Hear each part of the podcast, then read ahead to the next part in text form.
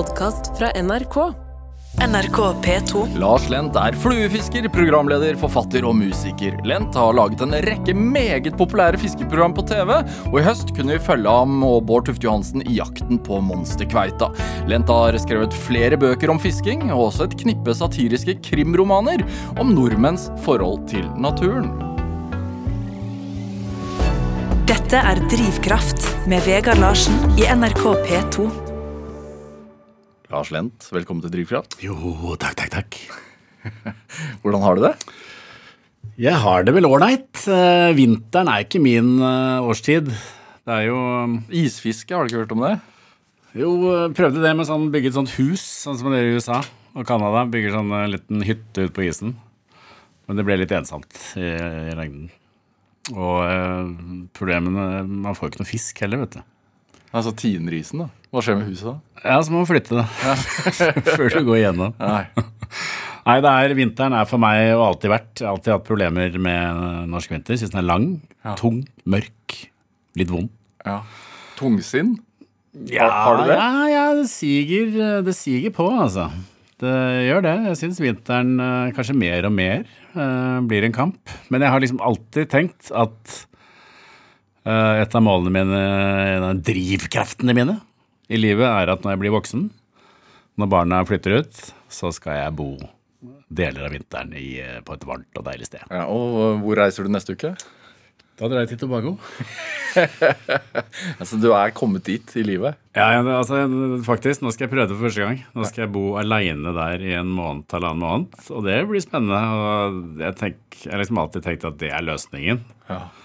Men nå som jeg faktisk skal gjøre det, så det er jeg så alene, alene, ja. Ok, vi får se. Hva, hvorfor brått en følelse av usikkerhet? Nei, bare at uh, alt man er liksom romantiserte, da. Som liksom, eh, det er måten å, ta, å leve på. Men, uh, men det blir spennende å se om jeg går dukken, liksom. Om jeg, det blir mye rom og sitter aleine og savner venner. Savner eh, Nå er det ikke så lenge, da. Det er ikke så lenge. Men seks uker, ja, det er en stund. Du har, vært i, du har bodd i Tobago før? 20 år siden. Lagd TV-program derfra? Ja. Uh, Bodde der, tok med mm, en eh, tre måneder gammel To måneder gammel baby. Ville kanskje ikke gjort det i dag. Til en øy uten sykehus. ja. Uh, og um, eldstedatteren som da var fi, fem, fire og et halvt. Og bodde der i, mm, i ti måneder. I, ja, det er jo kjempelenge siden. Det er 20 år siden. ja. Den gang eh, altså, du, du og Bård Tufte Johansen lagde jo fiskeprogram derfra. Ja. Eh, Det var ikke derfor jeg dro dit. Så det var mer sånn jeg, jeg har lyst til å gjøre noe annet. Lyst til å um, finne på et eller annet, ikke bare gå og surre samme gamle greiene. Jeg ville ut av hamsterhjulet, åpna den episoden med da, da, da Bård reiste ned for å finne, Ja, finne deg. Ja. Var, var det det som var tilfellet? Du må jo ta alt vi sier der med en klype salt, men det er selvfølgelig Det er jo, det er jo sanne elementer, da. Ja. Det var jo det. Det var et ønske om å ville eller oppleve noe annet. Og det var jo kjempefint. eh, I hvert fall for oss voksne. Nei da, det var fint, det. Men da, jeg er litt redd for at jeg kommer tilbake nå, og så er det tenker jeg, ah, det, det? Så lenge barna var der Det var hovedfokus, var at barna skulle ha det bra. Ja. Men nå er liksom barna blitt store, og helt aleine. Hovedfokus er Hva er det? At jeg skal ha det bra.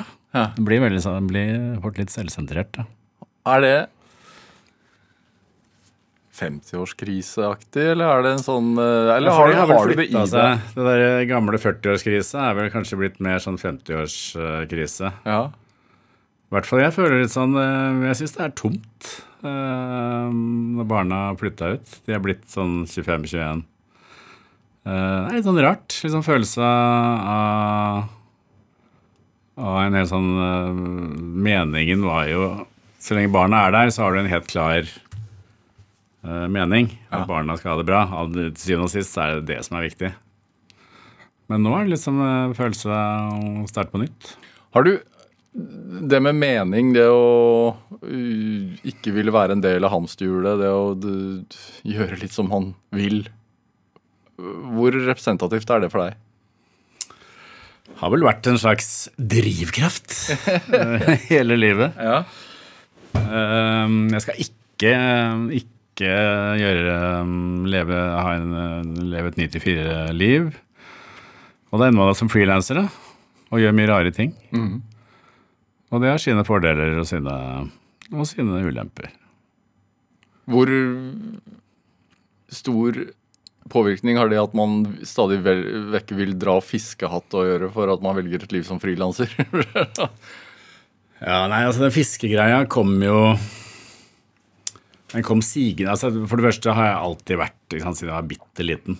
Så Bård og jeg snakket litt en del om det. Hva kommer det av? Liksom, noen har Noen er fiskere, noen blir fiskere, noen er ekstremt opptatt av fisk. Hva er en fisker, da?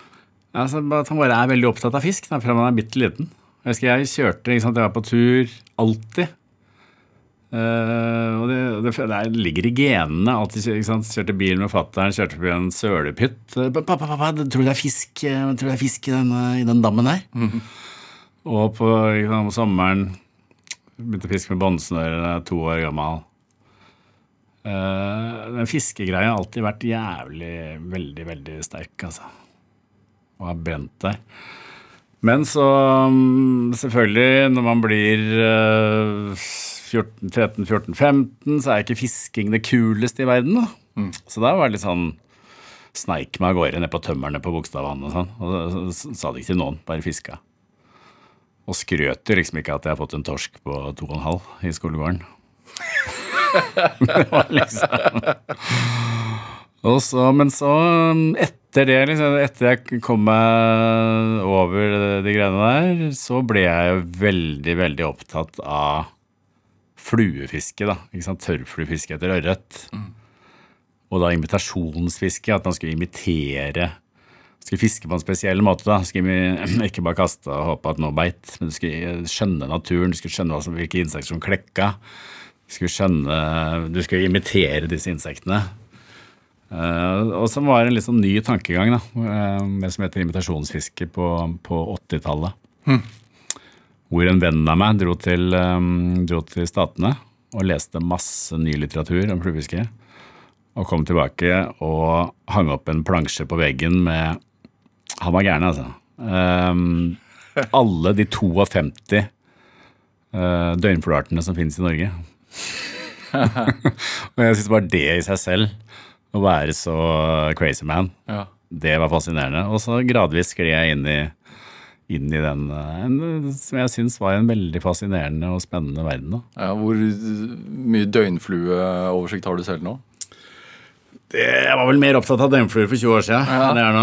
Hva var det et eh, uttrykk av, tror du? At eh, det på 80-tallet ble en sånn trend at eh, man skulle drive med imitasjonsfiske? Nei, det, vi var en liten gjeng, altså. Altså vi, og det, og det, sånn, når jeg ser tilbake på det, så den gang var det ikke sant? Vi var 10 stykker, da. 20 stykker, 30 stykker. Det var nok. Det var liksom den verden, det var alle de andre som var duster. Det var de som ikke hadde skjønt hvor fantastisk fascinerende dette her var. Men 20-30 stykker i, i Oslo, eller Nei, i Bærum? i vår eller i, krets, liksom, i Oslo omegn fluefiske. Det var en sånn, eh, Hvordan fant dere hverandre, da? Det var en klubb som het Oslo omegn fluefisker. som ikke jeg aldri har vært veldig aktiv i sånne ting, da. Men han, eh, kameraten min var veldig aktiv. Og så fiska vi de samme stedene. Det var Hemsedal, liksom, Hallingdal. det- det hvordan sånn, kommuniserte dere, da? Kommuniserte ikke. Jeg kan ikke si Jeg kunne jo ikke, kunne ikke røpe hvor, hvor det var bra å fiske. Nei. Eh, jo da, men, eh, men eh, jeg tenkte, det var- det var, noe veldig rart over det, men også noe veldig fint å føle at man har liksom funnet en så rar, liten, kul verden, og det er nok. Trenger liksom ikke Ja, ja, folk ler av oss, men, uh, det- men det er de som ikke har skjønt det, vet du. Er det ikke også noe veldig maskulint over det? Jeg føler ikke det. altså Å sitte og binde fluer, det er som å sitte og hekle. ikke sant? Det er ikke, det er ikke veldig maskulint, det. altså. Hæ? Nei, det er det, Jeg vil heller si at det er litt sånn eh, feminint Å. over, uh, over tørrfluefiske etter ørret. Men det er noe, altså, har vi noe sånn overklassemytologi? Det har det jo. Um, og det er jo fordi basically det er jo overklassen som har tid og anledning til å, til å drive så mye med en hobby. Ja. For Hvis du skal bli god, det er som alt mulig rart. da. Hvis du skal bli god så, og få oversikt og skjønne, at, eh, eller skjønne naturen og sånn, så må du bruke tid. Ja, er det 10 000 timer man må bruke på noe for å bli virkelig god, er det ikke det? da? Jo, jeg tror jeg brukte øh, 50 000 timer på, på fluefiske. Bare i tenårene. Nei da, det var ikke så ille. Men, øh, men det var intenst, altså. Dette er Drivkraft med Vegard Larsen i NRK P2. Og i dag er eh, forfatter og programleder Lars Lent her hos meg i Drivkraft på NRK P2. Det med forfatterbiten av det det, eh, altså Du har jo solgt masse bøker. Ja, noe i hvert fall. Ja.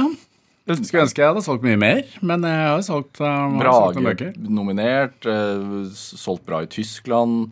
Uh, gitt ut uh, fem kriminalromaner og masse andre bøker om fisking. Det er jo det som har vært uh, jobben min de siste 15 åra, da. Ja. Det er det. Er det noen som blir overrasket når du sier at du er forfatter? Ja, det er ikke alle som har fått, fått med seg det, nei. Jøss, yes, er det det? Ja. Tror du bare fiska, jeg. Nei, det er ikke Det er jo det som er hverdagen, er jo å sitte aleine, skrive, Ja. frustrert, rimme i håret. Um, det er jo ikke fisking som er hverdagen. Hva, har akkurat kommet ut en bo, med, altså, med en bok, eh, 'Kongen av Lofoten', som jo ikke handler om fisk per se, da, for det handler jo om et pattedyr, og så handler det om hvalfangst. Ja, Du trodde kanskje hval var en fisk, ja? Nei, det sa du jo nå. at det ikke var En av karakterene i boka han skjønner aldri at hval er pattedyr. Men, men eh, så, så, så selv om eh, forfatter er, er hovedgeskjeften, så, så handler det jo om natur i bøkene dine også. Mye natur. Eh, mye om folk som eh, harver skruppelløse menn, særlig. Norske menn som harver over naturen og gir eh, fullstendig faen. For uh, profitt. Og det er litt sånn reflekterer jo litt sånn norske natursynet. At naturen er jo ikke verdt noe så lenge man ikke kan eh, liksom utnytte den. Uh, så så lenge man ikke kan drepe dem, spise dem, henge dem på veggen, så er det, så er det ikke så verdt, verdt så mye. Nei. Og det er et eh, Nei, sikkert ikke særnorsk, det, altså, men det er, det er eh, veldig, veldig typisk. Når eh, begynte de tankene å slå deg, da? Var vel aldri veldig mm, Kan ikke si at det er sånn livslangt prosjekt. Åpna øya mine litt da jeg begynte å Så har jeg selvfølgelig sett gjennom fisketingen, da, ikke forvaltning av elver, elver og sånn. Men um, da jeg begynte å researche til Brødrene Vega, som handler om oppdretts, uh, oppdrettsbransjen, lakseoppdrett, så var jeg litt sånn flau da jeg begynte med det. altså Nei, jeg er fisker. Jeg er opptatt av, liksom, eh, av villfisk. Og så har jeg så har jeg ikke tenkt på dette her. Tenkt på hva, liksom, hva oppdrett eh, driver med. Det er en artig liten ting de driver med i distriktene. eller Laks er godt. Men så begynte jeg å grave i, mm, grave i det da, i forbindelse med researcha til den boka som handler om eh, Terje Klavenes fra, mm, fra Nei, Alex Plato. Bærumsvir, um, som er, eier et svært oppdrettsselskap i Nordland, og en ung miljøverner, som, er, som er sønnen hans. Eh, og når jeg begynte å researche ned der, så, så syns jeg det var ganske skremmende og sjuke ting jeg fant. Altså. Hva var skremmende, da? Er bare graden av det og styrken av, av hvordan man forurenser fjordene. Uh, alt de holder på med. Og det er liksom én ting, men så er det at de få, har fått lov. At uh, i Norge sant, det er en griske næring grisgrendte strøk, en liten næring, som ja, skaper jo noen arbeidsplasser. Og bare å se hvor sterkt, hvor mye som skal til for at man øh, stikker kjepper i hjulene, som politikere må gjøre, da. Um, hvor mye som skal til når det er noe som er så vellykket. Mm. Det er kjempestemning. Det går som en kule. Masse folk tjener penger. Folk tjener penger på aksjer. Politikerne har aksjer. Ikke sant? Det, er, det er en suksesshistorie. Og ingen vil komme og ødelegge den festen der. Er det ikke viktig da for norsk, norsk næringsliv og norsk økonomi? Og det er jo en eksportsuksess uten like. Ja, ja, så det er, det, det er jo det. Men når man begynner å grave i det, så er det, det er det ganske få arbeidsplasser, f.eks. Og en veldig stor grad av arbeiderne er jo fra Latvia og Litauen. Eh, Men det er det derre arbeidsplassargumentet å skape ting i distriktene, det, det, det vinner hver gang i Norge. Det, er, det, er, det er sånn det er. Syns du det er rart? Nei! Jeg skjønner det jo. Ja. Syns ikke det er så rart. Men jeg syns det er Jeg tror mye skyldes kanskje uvitenhet av hvor store skadene kan være, da. I fjordene, f.eks., og, på villaks. Men så er det også det derre, ikke sant øh, De som har fronta, i hvert fall måten jeg kom inn i det der på, er jo fluefiskere, ikke sant, laksefiskere. Som er veldig bekymret for villaksen. Hvordan har du merket det, altså fra, fra du begynte å, å fluefiske til nå? Hva har skjedd? Det er en mye større bevissthet. Nå har jeg vært ørretfisker, da. Ehm, primært. Aldri fiska så mye laks. Det har blitt noe laks òg. Blitt litt laks. Men i, i ørretfiske så har jeg merka at alt er blitt veldig regulert. Ehm, nettet har jo gjort, sosiale medier har gjort at ting som før var veldig hemmelig. ikke sant? Eh, man hadde sine elver, man hadde sine spots, ikke si til noen. Alt er blitt veldig kjent. Så alle vet alt, egentlig. Og folk har lyst til å skryte, ikke sant. De har lyst til å legge ut bilder. Um, og der har jeg bidratt sjøl, da. Til å, det er veldig mange som er veldig sinte på, på meg, for jeg har blåst uh, hemmelige steder. Bra, bra elver. Og det skjønner jeg kjempegodt. Skjønner at jeg har vært kjempesint sjøl, jeg. Og det er et paradoks for meg. Men du og meg, altså, folk er faktisk sinte? Sinte samtidig. Det er kult at noen liksom får fram uh, hobbyen vår, og sånn, men, uh, men det er mange, og jeg vil si med rette, som er, som er uh, sinte fordi, fordi jeg har gjort steder som de følte var litt sånn hemmelige. For problem, Problemet ikke sant, hvis du fisker ørret i elv, hvis det kommer hvis du kommer til et sted, da. Sånn som det stedet vi var i Finnmark i, i 15 år, hvor vi gikk fire mil inn, inn og ut. Hvis vi hadde kommet inn der, og så er det en gjeng på, med sju mann, så er det ødelagt. Man kan bare snu. Man kan gå hjem igjen. Så det er liksom, det er skjørt, da. Og det skal ikke så mange til, og det skal ikke så mye til før man føler at, uh, at et sted er ødelagt. Hvor var uh, barndomsparadiset? Altså, hvor fisket du mest som barn? Tenker på før jeg begynte med hardcore fluefiske? Ja. Nei, det er litt Sørlandet. Det var jo det som var um, greia. Hvorfor det? Du er fra Bærum. Det er, var, det var der vi var om sommeren. Kjøpte hytte. Um, bodde i Afrika fra jeg var 8 til 10. hvorfor det? Nei, jeg ville se verden, da. Nei, det var fattern som, var, um, som skulle hjelpe The Development Bank of Zambia til å komme i gang. Da fattern um, jobba i DNC og var bankmann. Så da bodde vi der i, i to år. Um, og da var det jo Altså DNC, altså kredittkassen. Den norske kredittbank. Ja. Kredittkassen var litt senere. ja. Eh, men da, eh, bare det sørlandsgreiene, da. Kjøpte, de kjøpte et hus på, på Sandøya utenfor Tvedestrand. Usett. Fra Afrika. Det er friskt. ja. Eh, så er det en gammel sjøhus. og der Alle somre var jo der, da. Og der var det mye fisking. Der var det Begynt med båndsnøre. Avanserte til sluk fra land. Videre til båt med pilk. Og så agn på 100 meter. Det var uh, ultimate. Hva er båndsnøre, egentlig? Det er sånn eh, Husker du ikke det? Alle fisker med båndsnøre? Det er du som må fortelle, vet du. Ja, nei, det er um, et søkke, altså ganske tungt søkke, og så er det to sånne jern, eh, sant, tungt søkke, to sånne jerngreier med snøre i hver, og så en krok med agn. Og det, så da liksom slipper du ned på 20 meter, og så venter du på napp. Kjenner du at napper, så var det, det var liksom Kule med det var at man fikk mange arter. Småtorsk, mye flyndre, knurr, hvis du var heldig. Hvordan er det å fiske der nå? Det er trist. Torsken er borte. Og det er en sånn veldig Det er lett å snakke om naturkrise, lett å snakke om ja, alt forsvinner, sånn, sånn. Men at torsken er borte, og ikke bare i Oslofjorden Men på Sørlandet, der jeg alltid har kunnet dra ut og hente, som vi sier Hente torsk på to-tre kilo og, og, ha det alltid i, i kjøleskapet og spise det.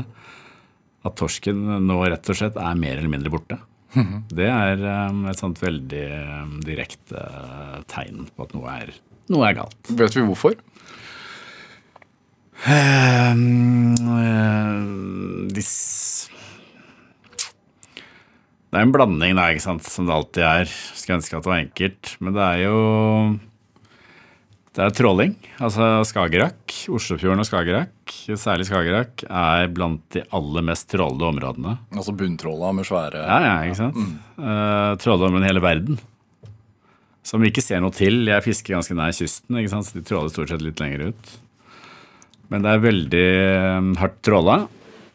Og så er det avrenning. ikke sant? Det er, um, det er uh, nitrater, avrenning fra landbruk. Vi har blitt flere og flere mennesker. Mm.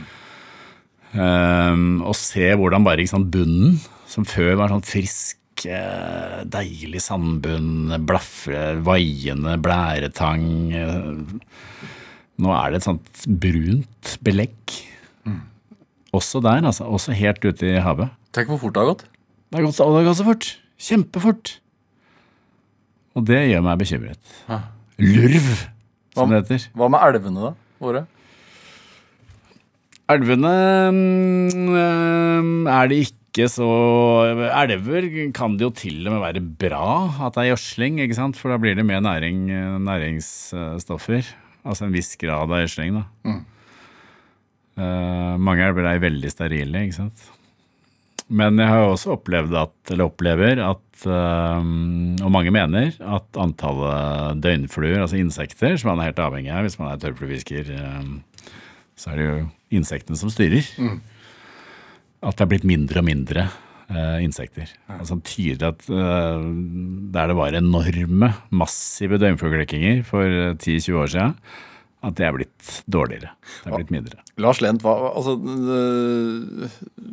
din, din, kompis Bård Tufte Johansen har jo en TV-serie nå, 'Oppsynsmannen', som, som, som ja, går på NRK, eh, som handler jo om mye av det samme. Ja. Eh, og så sitter du her nå også og, og er jo engasjert i det. Mm. Hva har skjedd, da? Jeg, jeg trodde, er ikke dere bare, vil ikke dere bare ha det gøy å fiske? Jo. det er jo det egentlig vi. Ja. Nei, men det, alvoret siger inn. da, Man blir voksen. Mm. Blir voksen. Mm. Nei da. Ehm, jeg vil jo aldri bli en Jeg har ikke lyst til å være en sint ehm, aktivist eller miljøverner, men man kan ikke unngå å reagere på ting. Altså Det er jo selvfølgelig det er veldig viktige ting. Mm. Og jeg syns jo Oppsynsmannen er veldig, veldig bra. Veldig ehm, Veldig fint. Og, og, det er ikke lett å balansere de greiene der, ikke sant. Skal, hvor sint skal man være? Hvor, uh, hvor, hvor, dypt skal man gå? Ja, Man slutter jo å høre hvis, veldig, hvis, hvis, hvis uh, avsenderen er veldig sint. Ja, Det er ingen som vil ha en sint, i hvert fall ikke en sint gammel mann. Det er jo sånn, det er det verste av alt. er du sint i romanene dine? Jeg vil jo si at sinne og, um, og irritasjon da, over folk som tar seg til rette, folk som gir faen, folk som harver over naturen, eh, det er en sterk drivkraft. Men jeg er da også veldig opptatt av å ikke, som du sa, da, ikke være en uh, hard og bare sint gammel mann. Jeg vil gjøre det på min måte. Jeg vil, jeg vil drite dem ut. Jeg vil uh, le av dem. Jeg vil harselere med dem istedenfor å være veldig alvorlig og veldig sint. Det er, altså, det er skrevet om ulvejakt, det er skrevet om oppdrettsfiske, det er skrevet om hvalfangst og vindmøller. Ja. Begynner å slippe opp for temaer nå, altså. Ja. men, men, men, det blir jo sånn som uh, boka di om ulvejakt uh, er jo også blitt uh, har jo folk som har blitt begeistret i begge leirer. Altså både ulvemotstandere og ulveelskere. Ja, det var, jeg prøver jo å balansere litt, da. Uh, selv om selvfølgelig jeg har mine meninger. Men, uh, men det er Jeg, jeg syns det er gøy også å harselere med, med, med, miljøvernere og engasjement, og hvor religiøst det kan bli, og bla, bla, bla. Men selvfølgelig, altså, til syvende og sist så er jo sympatien min ligger jo mer der, da. Hos eh, Jeg elsker jo unge folk som er opptatt av eller engasjert i natur. Hvorfor det? Nei, jeg syns det, det er så fint. Det er så lett å ikke være det, liksom. Og det er folk som, eh, folk som bryr seg, er alltid bra, tenker jeg. Hva syns du om eh, forholdet vårt til den norske ville naturen da? i Norge? På sånn eh, privat, vanlig nivå så er det, det er jo stort sett fornuftig og fint. Ja. Det er en grunn til at oppsynsmannen som blir populært. De, aller fleste er jo enig i det.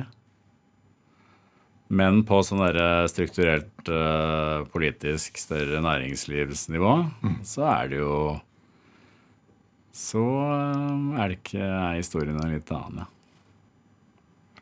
Da kjører man på. Ja, Hva er ditt synspunkt, da? Jeg skjønner jo hvorfor det blir sånn, men jeg, tenker at vi må F.eks. oppdrettsnæringen, da. Ja. Grunnen til at jeg i det hele tatt har giddet å engasjere meg så mye i det, er at løsningen er, er der. Det er ikke så vanskelig å gjøre, å gjøre noe med det. Det er liksom det er teknologi, da.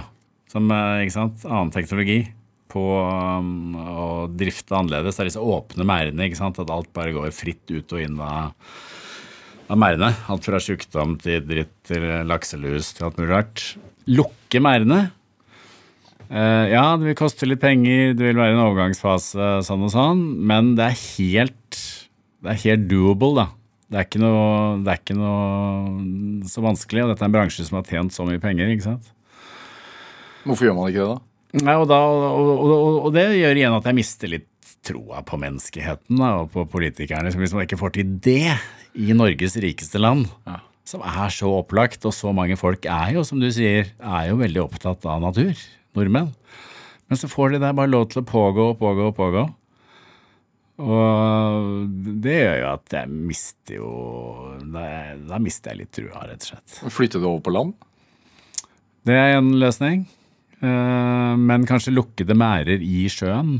For da kan de fortsette å, å markedsføre og selge dette her som eh, laks fra rene, kalde, dype, mørke, norske, arktiske fjorder. Ikke sant? Så lenge det går på land, Ja. så kan man lage laks hvor som helst. Da kan du lage det i Kina, da kan du lage det i Polen, da kan du lage det i Miami, sånn, som det er noen som gjør. Så de er jo livredde for det. Det ville bety liksom slutten. Um, så de er opptatt av at, de kan, at uh, norske brandet, ikke sant, at det er Norge. Og det kunne de bevart med, med um, lukkede merder i, i sjø. Spiser du oppdrettslaks selv? Nei, det har jeg med. Hvorfor det? Er fordi jeg mener at uh, Er det godt, da? Er min egen lille boikott. Ja, ja. Hva, hva med hval? Hval spiser jeg. Ja. Hval er kjempegodt. Hvalgryte Ja. med løk. ja. Eh, vokste opp med å spise hval. Jeg husker vi hadde hval uh, nesten en gang i uka. Men den Da- Og den gang var liksom hvalkjøtt eh, skulle sånn eh, Det var ikke høydepunktet i uka når det var hvalgryte. Men det var greit. Men det var litt sånn tran, uh, transtemning. Ja. Men nå tror jeg de er blitt eh, mye flinkere til å behandle kjøtt og sånn, så hvalbiff um, er godt, det. Ja. Lars Lent, vi skal spille litt musikk. Du, du har med en, eh, en låt som heter eh, Edible Flowers. Eh, Du er jo musiker òg. Tja, det er kanskje å, ta i. Spilt i et parband, spilt i husbandet Gass for mange år siden på TV. Det var jo musiker jeg ville bli. ja. Det var jo det som var greia. Hvor ofte Det- det spiller var- du gitar? Spiller hver dag. Ja. Før spilte jeg for barna, nå spiller jeg for katten. Hva spiller du hjemme, da? Nei, det er uh, Nei. Låter jeg skrevet sjøl, da. Om å bli gammel og inkontinent. Nei da. Uh, spiller uh, Nei, det er litt sånn uh, Det er et godt spørsmål, egentlig. Når, når på dagen tar du fram gitaren? Drar den fram. Hjemmekontor er det veldig fristende å, å ta pause med å spille gitar, da. Ja. Og på kvelden, da. Da blir det sentimental, så drar jeg fram gitaren. Vi spiller gitar. Synger litt, da. Nå, hva så Jentene dine hjemme har tenkt sånn ja, Nå drar far fram gitaren igjen. Ja, Det er kanskje en grunn til at de flytta ut da de var 13 og 15, sånn i ettertid. Ja. Hva kan gjøre deg sentimental, da? Nei, eksempel at barna har flytta ut. Det er jo Det er jo trist. Da blir det gitarspilling. Skal vi høre låten? Hva, hvor, hvorfor, hvorfor akkurat den? Nei, den er jo trist. Nei, den er Jeg har alltid vært veldig fan av, av Neil Finn. Gamle Crowder House og sånn. Men også av de nyere sologreiene hans. Han er en av de få jeg har fulgt helt opp til nå, da. Eh, og dette her er fra en eh, plate han ga ut sammen med broren sin. The Finn Brothers. Um, og jeg husker jeg så de på, på det Go Cruise kafé, kanskje før din tid. På Hvor var det? Aker Brygge. Ja. Hvor da Neil var jo kjempesvær. Uh, Crowder House var nettopp ferdig. Dette er sånn 95 eller noe sånt. Og så var det broren som hadde hatt en ganske um, bra karriere, men som um, har gått litt dårligere med de siste årene. Og så var det de to gutta hvor liksom Neil så frisk, så sunn, så på, så skjerpa. Og storebror drivende full. Og svetta som en gris. Og veldig intimt lokale. Men han sang klokkerent, da. Og den derre tostemten mellom de to brødrene. Det, det er vakkert. Det er, noe, det er noe eget med tostemt, eh, hvor brødre synger tostemt.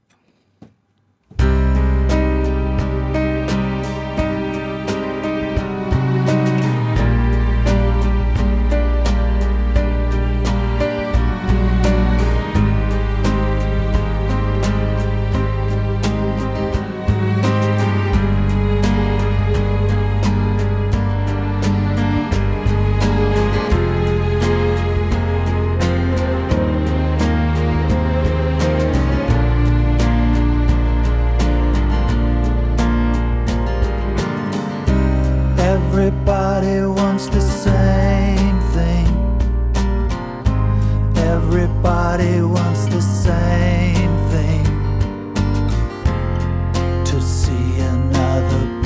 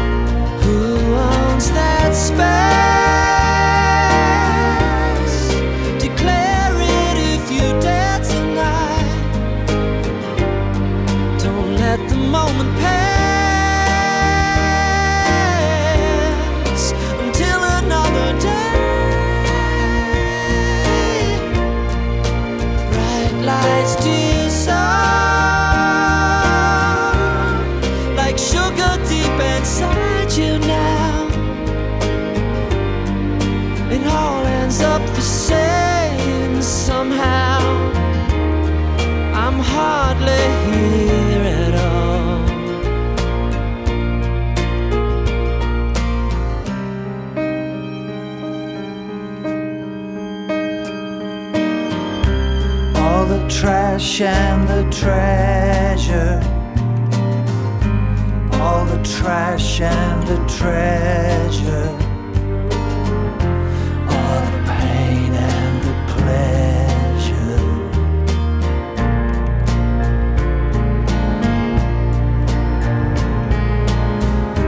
Taste the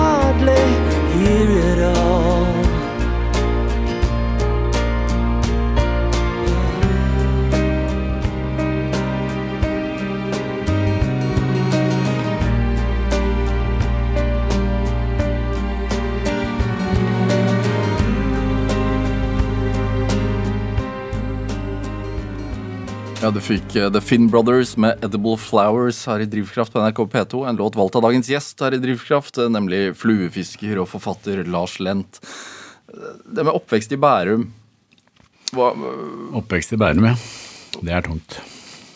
Ja? Var det det? Nei da, det var jo ikke det. Jeg vokste opp på Eiksmarka. Um, Hva vil det si? Det er liksom rett over på andre siden av elva fra Røa. Så veldig nær Oslo, da. Men også nær skauen. Også ganske nær Marka, ja. Hva slags sted er det? Hvem vokser opp der? Um, det er ikke masse rikinger, som folk liker å tenke om Bærum. Men det er mye um, kulturell kapital. Det er mye um, Østerås, for eksempel, som er en drabantby. da. Jeg bodde på Eiksmarka, og Østerås og Eiksmarka er veldig nær hverandre. Østerås, eh, mye akademikere. Akademikerbarn. Ehm, jeg var jo da sønn av, av en ehm, bankmann og etter hvert banksjef. Men vi bodde i veldig beskjeden tomannsbolig, liksom. Men var dere rikinger? Veldig få der. Altså, hva sa du, rikinger? Ja, om dere var det? Nei, Nei. vil jeg ikke si. Hadde jo god råd. Men øh, den gang så var det vel sånn at fattern tjente vel eh, 380 000 i året istedenfor uh, 190, da. Hva, hva, hva, hva, hva slags kapital var viktig hjemme hos dere da? nei mm, Musikk, kultur, uh, natur, dra på hytta, ski. Som jeg aldri helt fikk foten for. Hvorfor? Jeg føler at det Afrikaoppholdet skada meg litt der, altså. På hvilken måte? At jeg fikk en litt sånn eh, feeling at det, det er jo sånn man skal leve. Det er jo det er liksom barbeint i hagen, og det er varmt, det er deilig. Det er sånn livet skal være. Man skal ikke pakke seg inn i eh, svære klær og gå rundt og hutre halve året, liksom. Så jeg har alltid hatt en veldig dragning mot eller ja, Det endra meg på mange måter. Altså, det, er, det er ganske skjellsettende, de Afrika-greiene, tenker jeg. Og det er også en sånn tanke om at, at verden er veldig stor. da. At Norge er, er et rart lite sted. Hva husker du fra det året? Altså, du reiste dit som åtteåring. Husker alt. Ja. Absolutt alt. Men hvorfor er, var det skjellsettende, bortsett fra at det var uh, varme strender?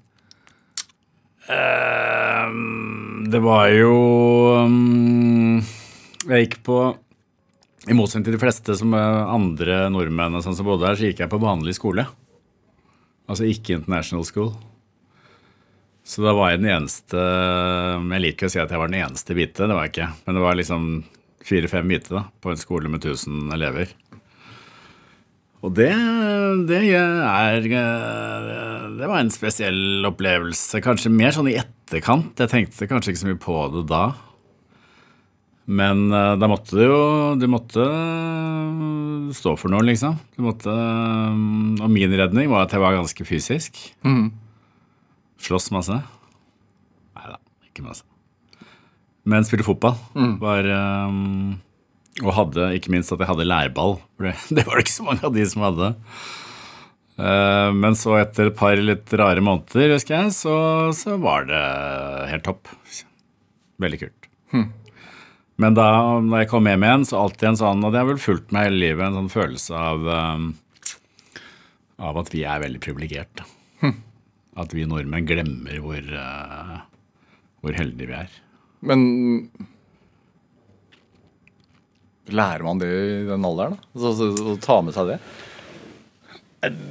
Kanskje, kanskje det er erkjennelsen som kom sånn gradvis mer og mer da, etter hvert som jeg ble eldre. Men jeg føler at jeg alltid hadde opplevd noe i forhold til, mm, forhold til de jeg gikk sammen med. Jeg kom hjem og begynte i fjerde klasse eller noe sånt. Følte jo at jeg hadde et eller annet sett noe, opplevd noe. Og to år er lenge, ikke sant? Når du er, når det er så liten. Det jeg hadde jo nesten glemt Norge etter, etter et par år.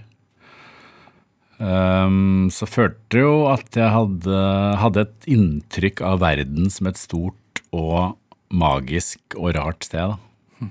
Og spennende sted. Og det har jeg kanskje prøvd å tviholde litt på hele, hele livet. Hva slags land er Zambia, da? Zambia var jo den gang ikke sant? De ble jo selvstendige på 60-tallet. Um, hadde en litt sånn karismatisk uh, leder. Eh, Kenneth Kaunda. Og vi var jo der ti år etterpå. ikke sant? Så det var en nasjon med masse fremtidstro, med masse um, Her skal det skje ting. Um, og den gang tenkte man liksom på utvikling. Målet var jo at de skulle utvikle seg og bli omtrent som oss. Men så stoppa opp, da. Og jeg har jo ikke vært tilbake. Og Zambia ble en litt sånn trist historie etter hvert, som mange afrikanske land ble. da. Men, men faren din ble jo etter hvert sjef for Norad. Ja, Eh, så, så, du må ha vokst opp i et hjem hvor det var et engasjement. Absolutt. Og, og fattern var, en- var en veldig atypisk næringslivsleder. Han var jo Hjertet banka alltid for uh, tredje verden, som det het den gang. Hvorfor det, tror du? Nei, det var Jeg vet ikke hvor mye han visste om det da vi dro til Zambia. Men da var han ung, ikke sant? Han var jo 35 eller sånn. Så um, etter det så, så var det alltid en litt sånn drivende kraft, og, var veldig snill. Veldig opptatt av ting som var ordentlig. Um, føltes alltid litt utafor i en sånn der topp næringsliv hvor de fleste kom fra Oslo vest. Han kom fra Hamar. Følte seg litt som en outsider. Um, Har du, har du følt deg som det? Jeg kan ikke si jeg følte meg som en outsider. Det har jeg ikke. Nei, men i forhold til stedet du har vokst opp også, det er mange som, som går en eh, akademisk retning eh, Antar at mange av barndomsvennene dine har tatt eh, godt eh, Handelshøyskolen eller BI. Ja, ja. Eh, Bærum var, var jo på en måte en sånn, og Østre og Sargsmarka, et veldig sånn kontrastenes sted. da. Siden du hadde, liksom, du hadde masse blokker, og så hadde villa og mye ressursfolk. Og det er liksom, det er mange av de gamle vennene som er blitt uh, administrerende direktører, som har blitt sjef i NHO, uh, i klasse med Kristin Skogen Lund, for eksempel, i, tredje gym. Og Birger Steen, husker jeg, som ble sjef for Microsoft uh, Russland. Eh, så det var, Men det var også folk som valgte utafor, da. Så det, jeg vil si, Bærum er sånn kontrastenes uh, Det er mye kontraster. Det er mye veldig vellykkede folk som gjør eh, pang, pang, pang, som gjør uh, karriere og som, blir, uh, som gjør det veldig bra. Og så er det ganske mange som bukker under. Så det var, jeg husker på, på gymnaset, så var det, det var liksom fire-fem som tok sitt eget liv, liksom, på, på Eikeli. Mens jeg gikk der. Så det er um, Gjør det noe med en? med, med meg, tenker du? Ja. Nei, det, det, det er jo sterkt, da. Keeperen på fotballaget vårt, liksom. Ja. Plutselig hang han og dingla i trappa. 18 år gammel. Det er jo ganske Det er jo Det er tungt. Ja. Men det, det, det er sikkert å- Det er ikke noe spesielt for Bærum. Det, men det som er spesielt, er vel at, eh, at det er så mange som gjør det bra, og så mange som eh, blir kjente, så mange som eh, som utmerker seg, liksom. Men så er det også veldig mange som, som blir narkomane, og som faller utafor, og som går den helt andre veien. Ja. Så jeg, jeg, jeg valgte sånn mellomting. men, men har du vært ambisjonsdrevet? Eh, på min rare måte, ja, kanskje. Hva har det vært? Jeg har jo alltid lyst til å gjøre noe som er bra, liksom. Men at jeg kan- kanskje famla litt med å finne ut eh, hva det skal være. Hva er bra, da? Nei, ikke sant? Hva er bra? Veldig, veldig subjektivt. Uh, alltid vært kanskje veldig opptatt av å gjøre noe originalt, tenker jeg. Og føle at eh, denne boka her, eller det fiskeprogrammet der, den fiskeboken, det, det er bare jeg som kunne gjort på den måten. Og ikke fordi det er så fantastisk eller genialt eller vilt, men, men for det er, det er i hvert fall min, min måte å gjøre det på, og min touch. Og det er veldig sånn eh, drivkraft i, i bøkene, er at jeg vil ikke skrive ikke sant? Jeg vil ikke skrive vanlig norsk krim, jeg vil ikke skrive mm, norsk, vanlig norsk roman, som jeg kaller det, selv om det er å skjære ting litt over en kam. Men uh, originalitet. Verden trenger liksom ikke en uh, ny krim om uh, massemorder i, i Oslo. Det kan bli Å ha det som mål kan jo også være veldig utfordrende. Og gjøre at man ikke klarer å komme videre i det hele tatt. Ja, ja. Det er du gæren. Så det er, det er ikke um, og, og jeg sier ikke at jeg får det til hver gang, men det er i hvert fall et mål, da. Er du selvkritisk? Ja, det vil jeg si. Jeg er kritisk til, til andre og, og meg selv. Ikke minst meg selv. Men det med fisking, altså det- En person som starta veldig tidlig. Eh, men når tenkte du Når forsto du at, at det kom til å bli en del av livet? Det var jo, ikke sant, som vi var inne på litt, eh, litt tidligere, jeg fiska jo mer og mer, liksom. Utover Begynte på Blindern, og så fiska jeg og, så jeg og for oss var Blindern bare litt sånn fortsettelse av, av, videregående. Ikke sant? Jeg levde i det samme miljøet, flytta inn i kollektiv med, med folk jeg kjente. Det var ikke noe bytte av miljø. Så Blindern var sånn uh, halvvellykka. Det var ikke noe sånn uh, kjempestas å begynne på universitetet.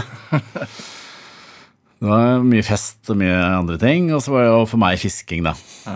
Og, og selvfølgelig, etter hvert som man er- begynte å bli eldre, begynte å Kan, kan, kan mag?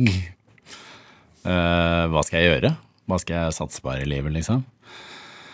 Og istedenfor liksom å dukke ned i det, så var det jo veldig fristende å dykke ned i, i fluefiskeverdenen. Og stikke opp til Hemsedal, stikke til Hallingdal. Og det er fascinerende og, og fint, for det er, det er så liten verden, ikke sant? Det er så oversiktlig liten verden, og, og du, du, du føler at du skjønner det. Du skjønner hvorfor ting skjer i den lille verden. Eh, som er ekstremt eh, ikke sant, forholdet avhengig tusen ting, men du skjønner hvorfor ting går dårlig, du skjønner hvorfor ting går bra, du skjønner hvorfor du lykkes, du skjønner hvorfor du feiler. Og et veldig sånn skill-element, å bli flink i noe. Um, så jeg fiska jo mer og mer, liksom, utover på, på 90-tallet, og da også selv om jeg da den gang aldri ville kanskje innrømmet det, så er det jo et element av flukt der òg, sant? For du sier det stikke av og fiske, stikke av og fiske. Ja. Hva, hva, hva, handler det om? Det handler jo om å kanskje slippe å forholde seg til, um, til um, Altså, verden er vanskelig. Livet er sammensatt. uh, det er uh, uoversiktlig. Det er kaos. Mens i den lille verden der så er det en følelse av kontroll, at man skjønner hva som skjer. Ja. Uh, men ikke bare det. Altså, ting er jo sammensatt. Men det var nok et element i hvorfor jeg brukte så mye tid på det. Ja. Så det har vært terapi, rett og slett? da? Ja, ja. Jeg, jeg vil si det. Hæ. Men så etter hvert, ikke sant, så bodde jeg i London. Jeg tok jo Jeg tok master på um, UCL i Latin American Studies. Og det var jo sånn in your face. Altså etter fire og et halvt år på Blindern, hvor vi møtte opp to ganger i året og tok eksamen, liksom. Så var det ta master på ett år på, på UCL. Det var tøft. Det, da følte jeg at jeg fikk eh, alvoret midt i trynet. Og det var vel i Ja, nå var det 94-95. Og da en sånn og Ferdig med det. Eh, kom hjem. Og da søkte jeg litt jobber i Norad, Kirkens Nødhjelp. Uh, Latin-Amerika var gått litt sånn uh, Var ikke så interessant. Sånn, på 80-tallet så var Latin-Amerika svært, ikke sant. 90-tallet så er men, det var ikke så mange som var så interessert i Latin-Amerika lenger. Og da var det sånn Hei, hva skal jeg, hva skal jeg gjøre for noe? Um, da husker jeg begynte å tekste, oversette TV. For han mener meg som gjorde det, så var det veldig godt betalt, da. Um, oversatte Simpsons og sånn. Det, det var gøy, det. Men så var det en um, Var det Det var en litt sånn vanskelig, vanskelig tid, og en følelse av den overgangen fra ungdom, barneliv til voksenliv. Hva, skal man, hva skal man gjøre? Hvorfor er det vanskelig? Hva er vanskelig med det? Bestemme seg for hva man skal gjøre, rett og slett. Eh, og så kom uh, Traff jeg Bård på en fest. Og så ble jeg redda av uh, fiske... Berge fiske... Fiske-TV. Ja. ja, men Ser du på det litt sånn? På en måte kanskje, ja. På en annen måte så ville jeg nok uh, Ville ha fiska, men- Jeg ville ha fiska, men, og jeg ville nok funnet noe annet å drive med. Hvis jeg ikke hadde funnet det. Men, eh, men det var veldig, mm, var veldig heldig, da. Ja. Det var veldig kult. Og det, dette var jo rett etter eh, Rett etter at eh, Harald, som er gammel barndomsvenn av meg, Harald Eia Vi har hytte sammen på Sørlandet. Sommervenner fra vi var ti. Rett etter at de, ikke sant, Lille Lørdag var svært og sånn, og så møtte jeg Bård på en fest i Bærum. Han er fra Skien. Litt bortkommen skiensgutt på Bærumsfest. Og så fant vi ut at uh, hei, fisking. Veldig opptatt av fisking. Men han var veldig fersk fuglefisker, da. Ja. Og da hadde jeg reist et, uh, et år i Latin-Amerika i 92, eh, eller tre-fire år før. Og blant annet bodd aleine tre måneder i Andesfjellene. Patagonia. Bare fiska.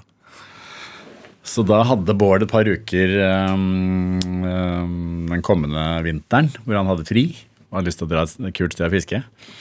Som helt fersk fluefisker. Og da ga jeg han veldig detaljerte um, tegna kart. Husker jeg forklarte dra dit, dra dit, snakke med han, gjør sånn og sånn.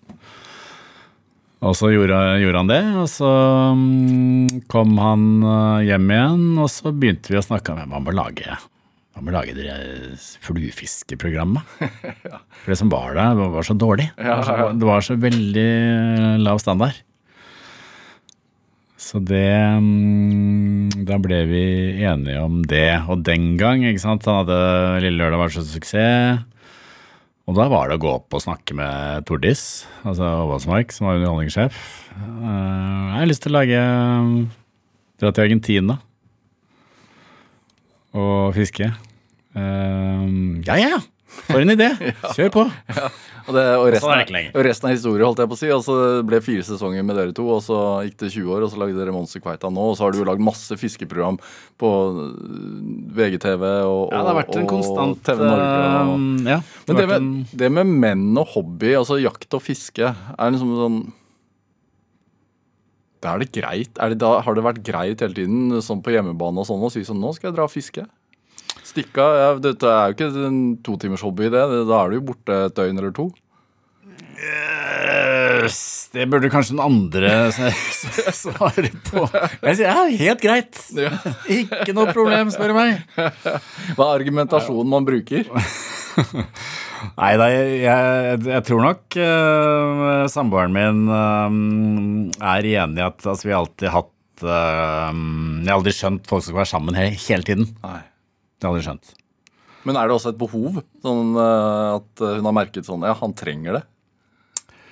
Ja, ja det, det har liksom vært det viktigste og det, det morsomste og kuleste jeg kan drive med. Og jeg vil, vil jo ikke nekte kjæresten min å drive med det morsomste og kuleste hun, hun vet. Nei. Er det? Men det er en balansegang. Selvfølgelig er det det. Hvorfor er det viktig? Er det viktig? Er det ikke det, da? Jeg har sett på programmene deres, og det, du beskriver det jo ikke som noe rolig, eh, avslappende, terapeutisk opplevelse, egentlig. Det, du Nei. beskriver det jo som stress er og stress. jag og Så jeg er ikke noen naturromantiker. Jeg er ikke sånn at jeg kommer ut der lave skuldre når jeg er på fisketur. Det, det er stress. Det er, eh, man har så intenst lyst til å oppleve de magiske eh, øyeblikkene Ja. at det blir, eh, det blir stress. Altfor ofte blir det stress. Og det føles viktig der og da. Kanskje i gamle dager så jeg tenkte jeg litt sånn at ok, hvorfor føles det viktig? Jo, fordi hvis jeg ikke får en svær fisk, så, så, så er det jo bare totalt meningsløst å ha prioritert det å sitte her oppe i Hemsedal. Men hvis jeg får en svær fisk, ja, men det er kanskje verdt det. Da kan jeg i hvert fall- prøve å gi inntrykk av at det er verdt det. Ja. Og i alt annet sånn Hva er meningen med livet? Det? Fisking kan være det, kan det ikke det? Jo, jo, hvorfor ikke? Så det er uh, like, like bra som noe annet, spør du meg. Lars Lent, en time går altfor fort. Uh, hva er drivkraften? Sinne. Irritasjon. De skal ikke slippe unna, sleipe jævlene. Nei da, det er ikke det er ikke bare det er, Nei, jo, det er det. Bøkene er det det. Um, og, og drømmen om å kanskje gjøre noe som er um, originalt og morsomt, og at noen kan ha glede av det. Lars Lent, tusen takk for at du kom til Drivkraft. Lykke til i Tobago. Håper det blir fisk der òg. Tusen takk. Hør eh, flere samtaler i Drivkraft på nrk.no eller i appen eh, NRK Radio.